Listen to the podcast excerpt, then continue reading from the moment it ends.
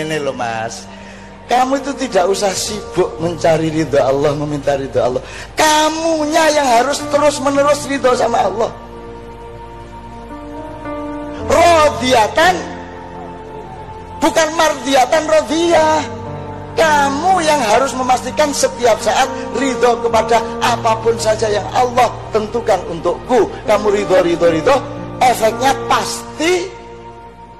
diridhoi